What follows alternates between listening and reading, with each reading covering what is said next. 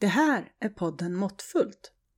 Jag som pratar heter Anneli Lindström och till vardags undervisar jag i mätteknik. I det här första avsnittet kommer jag att placera en kille som heter Per-Ola Eriksson på terapisoffan. Per-Ola har över 25 års erfarenhet av mätbranschen på olika sätt. Och jag kommer utmana honom med en fråga. Vad är mätning? Varmt välkomna till Måttfullt, podden som handlar om mått och mätning på längden och på bredden, på ytan och på djupet. Hej Pelle! Hej! Du är eh, välkommen hit till Mätpodden som heter Måttfullt. Tack! Och eh, jag tänkte lägga dig på en imaginär terapisoffa här och fråga dig, vad är mätning? Ja, då får jag väl lägga mig ner på den soffan. Vad är mätning? Ja, det är ju en bra fråga. Eh, det finns de som hävdar att, att eh, mäta är att veta. Så någon typ av vetskap är väl involverad i det hela. Eh, men, men vad innebär det egentligen att mäta? Du inledde med att säga att mäta är att veta. Mm. Ja, vad innebär det att mäta? Eh, man, i, I grunden så vill man ju ha reda på någonting. Man vill ju ha fram data mm. för ett beslut. Det är ju egentligen därför man mäter och behöver veta. Kan man väl säga. Eh, annars, om man inte använder det man har mätt till någonting, då är det ju förmodligen inte nödvändigt. Nej. Så, så det är klart att det är att veta. Så är det. Mm. Och, och, oftast vill man ju veta för att veta att det man lämnar efter sig i en process fungerar i nästa steg i processen. Mm. I ett montage till exempel. Mm. Och det är ju den direkta följden av en mätning att man kanske säger att en detalj är okej okay eller inte okej okay, eller ja, att man sorterar efter de resultaten som mätningen tar fram. Mm. Men det är ju, alltså jag, jag, sitter och tittar på, eller läste på, på Wikipedia och, och man, man insåg ganska tidigt att, att det här med att mäta saker var ganska viktigt. Så att jag menar dödsstraff för fusk med mått och vikt, det var ju någonting som man hade redan på 1600-talet. Eh, så att det, eh, det finns eh, i, i, en lag som har sitt ursprung där på 1600-talet så, så har man liksom en utläggning om hur hur man förfalskar mått eller vikt och naturligtvis kopplat till handel. Mm. Eh, så att eh, eh, Eh, vidare, det står en lång mening och så slutar det med falskare den mått eller vikt som är förordnad att dem rätta och märka miste livet. Säger de. Så att det är alltså dödsstraff som, som var kopplat till att använda, ja, fara med osanning runt mått och vikt. Så att eh, redan där så ansåg man att det var viktigt. Ja, och det kanske våra kalibrerare runt om i, i Sverige och världen ska vara tacksamma över att vi inte har kvar då ett dödsstraff ja, här. Precis. och kalibrerare, det är ju de som kontrollerar olika mäton och eh, berättar för oss att de visar som de ska. Mm. Mm. Nej, men som sagt, det, det, det, det är ju och jag menar, vad då, om man nu kopplar till vad som är sant och inte, om man får, får plikta med livet för att det var halvsant, så, så då är det ju lite elakt kanske. Um. Ja, det är dramatiskt. I, idag är väl inte mätbranschen fullt lika dramatisk? Ja, dödsstraff kanske inte, men, men uh, det är ju Alltså det blir ju ganska avgörande för, för, för många företag om man är på ena si eller andra sidan en tolerans. Mm. Om man kan leverera till sin kund eller om man kan ta en produkt vidare till nästa steg i, i processen. Det, det, är ju...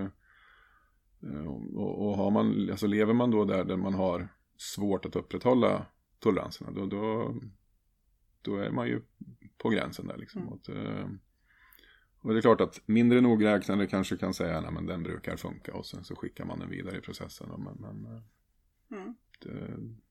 Det är inte säkert att man vet. Nej. Man får ju hoppas att den som har satt toleranserna på en ritning vet vad som behövs. Mm. Eh, men det, är väl kanske inte alltid sant, tyvärr. Att mäta är kanske att veta. Ja, i mångt och mycket blir ju det. Eh, visst är det så. Det, det är nog inte helt osant i alla fall. Nej. Ehm, det, det, som sagt, jag sa det tidigare att, att om man inte använder det man har mätt, resultatet av det man har mätt till någonting, då, då, då är ju det inte en verksamhet man behöver hålla på med.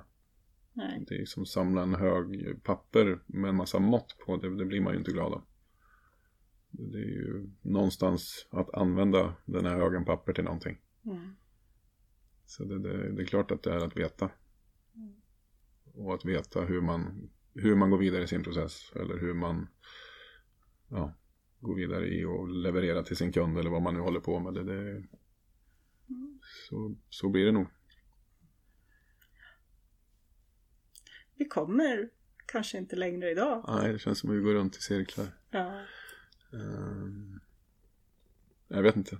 Det är så svårt. Ska man, man, vi kan inte gå in på metoder eller det blir för mycket eller? Ja, nej men det är alltså det är ju det är lite 90 gritty um, det här med mätning. Det, är ju, det blir ju det blir väldigt detaljerat det, på en gång. Ja, det gör det. det men det Ja, jag har en bekant som sa till mig, men alltså det här med mätning, det är ju jättetråkigt. Mm. jag, jag, kan, jag kan ju förstå. Ja, nej, men det, alltså, det finns ju den stämpeln. Det är ju det här med tråkiga mätrummet inne i hörnet dit ingen får gå liksom. Det är konstiga gubbar i lustiga rockar som, som har tillträde dit och ingen annan. Mm. Den, den, den, finns ju kvar, men den, den börjar ju på att lösas upp. Men, men eh, många kommer ju från den tillvaron där man har ett, ett mätrum som är hemliga rummet liksom. Mm.